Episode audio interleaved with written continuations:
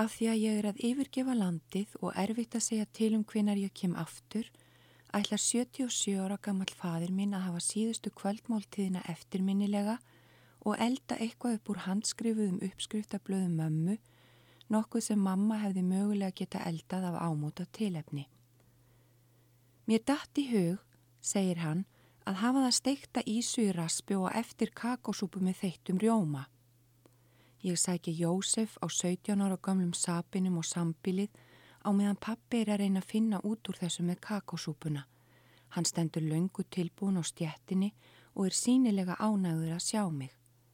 Hann er spariklætur af því að ég er að kveðja í síðustu skýrtunni sem mamma kifti á hann, fjólublári með fyririldaminstri. Á meðan pappi er að steikja laukin og fiskstikkin líka tilbúin á raspeðinu fer ég út í gróðurhús að sækja rósa afleggjarana sem ég tek með mér. Pappi kemur í humátt og eftir mér með skærin að sækja graslaug ofan á ísuna. Jósef fylgir þögull í fótspór hans. Hann fer þó ekki framar inn í glerhúsið síðan hann sá glerbrotin eftir februarlægðina þegar fjölmarkar rúður fóru í mask. Í staðin stendur hann fyrir utan hjá skaplinum og fylgist með okkur. Þeir pappi eru í samskonar vestum, netubrúnum með gulum tíklum. Mamma því var vöna að hafa graslaug með ísunni, segir pappi og ég teka honum skærin og tegi mig í sígrænan brúskin í horni gróðurhúsins, klippi ofan af lauknum og rétti honum. Ég er enga erfingja að gróðurhúsi mömmu eins og pappi minnir mig reglulega á.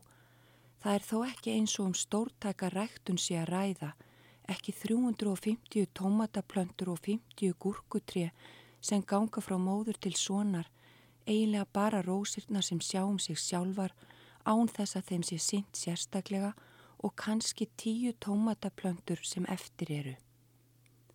Pappi ætlar að vögva á meðan ég er í burtu.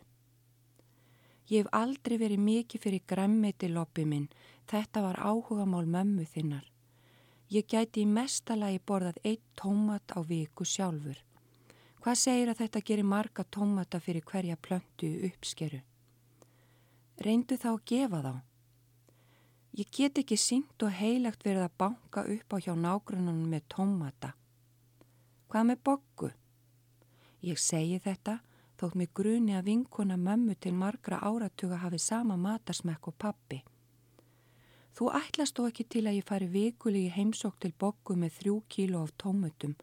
Hún myndi fara fram og ég yrði í kvöldmatt. Ég finna á mér hvað hann segir næst. Ég hefði vilja bjóða stúlkunni og barninu, heldur hann áfram, en ég vissi ekki nema þú væri því mótfallin.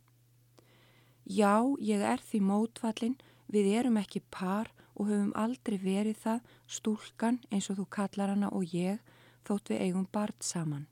Það var slís.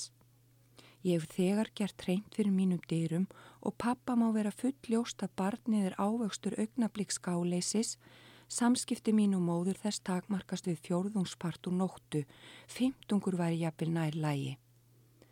Mömmu þinni hefði ekki verið þá móti skapi að bjóða mækunum í síðasta kvöldverðin. Í hvert sinn sem pappi þarf að auka vægi orða sinna kallar hann mömmu upp úr gröfinni til álitskjafar. Mér líður sérkennilega nú þegar ég er stattur, ef svo má segja, á vettvangi sjálf skettnaðarins með aldraðan föður minn mér við hlið og þroska heftan tvíburabróður rétt fyrir utan glerið. Pappi trúir ekki á tilviljanir, að minnstakosti ekki þegar um mikilvægustu atbyrði lífsins, fæðingu og dauða er að ræða. Líf kviknar ekki og sloknar sér svona af tilviljun, segir hann. Hann hefur ekki skilning á því að getnaður byggja á hendingu eins fundar að það geti komið fyrirvara löst upp í hendurnar og manni að sofa hjá konu, ekki frekar en hann hefur skilning á því að dauði orsakist af bleitu eða lausamöl í beigju þegar hægt er að tepla fram öðrum kosti, tölum og tölulögum útreikningum.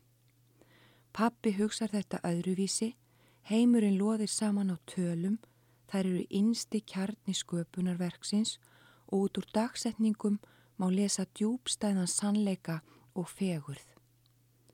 Það sem ég kalla tilviljun eða tækifæri eftir aðtökum er fyrir pappa hluti af flóknu kerfi.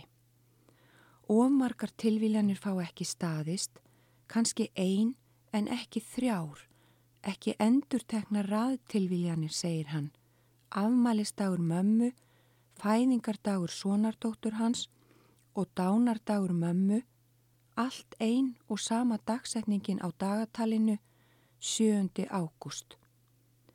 Sjálfur skilji ekki útreikninga pappa, mín reynsla er svo að einmitt þegar maður er farin að gera ráð fyrir einhverju tilteknu þá gerist eitthvað allt annað. Ég hef ekkert á móti dægrastýttingju rafvirkja og eftirlaunum svo fremið sem útreikningar hans tengjast ekki kæruleysi mínu í nótkun getnaðarvarna. Þú ert ekki að hlaupa frá neinu loppi minn? Nei. Ég kvatti maðgurnar í gær, bæti ég við. Hann kemst ekki lengra með mig svo hann skiptur um umræðu efni. Þú veist ekki hvort mamma þín lumaði á uppskrift af kakósúpu. Ég kefti rjóma til að þeita. Nei, en við gætum kannski reynd að finna út úr því saman.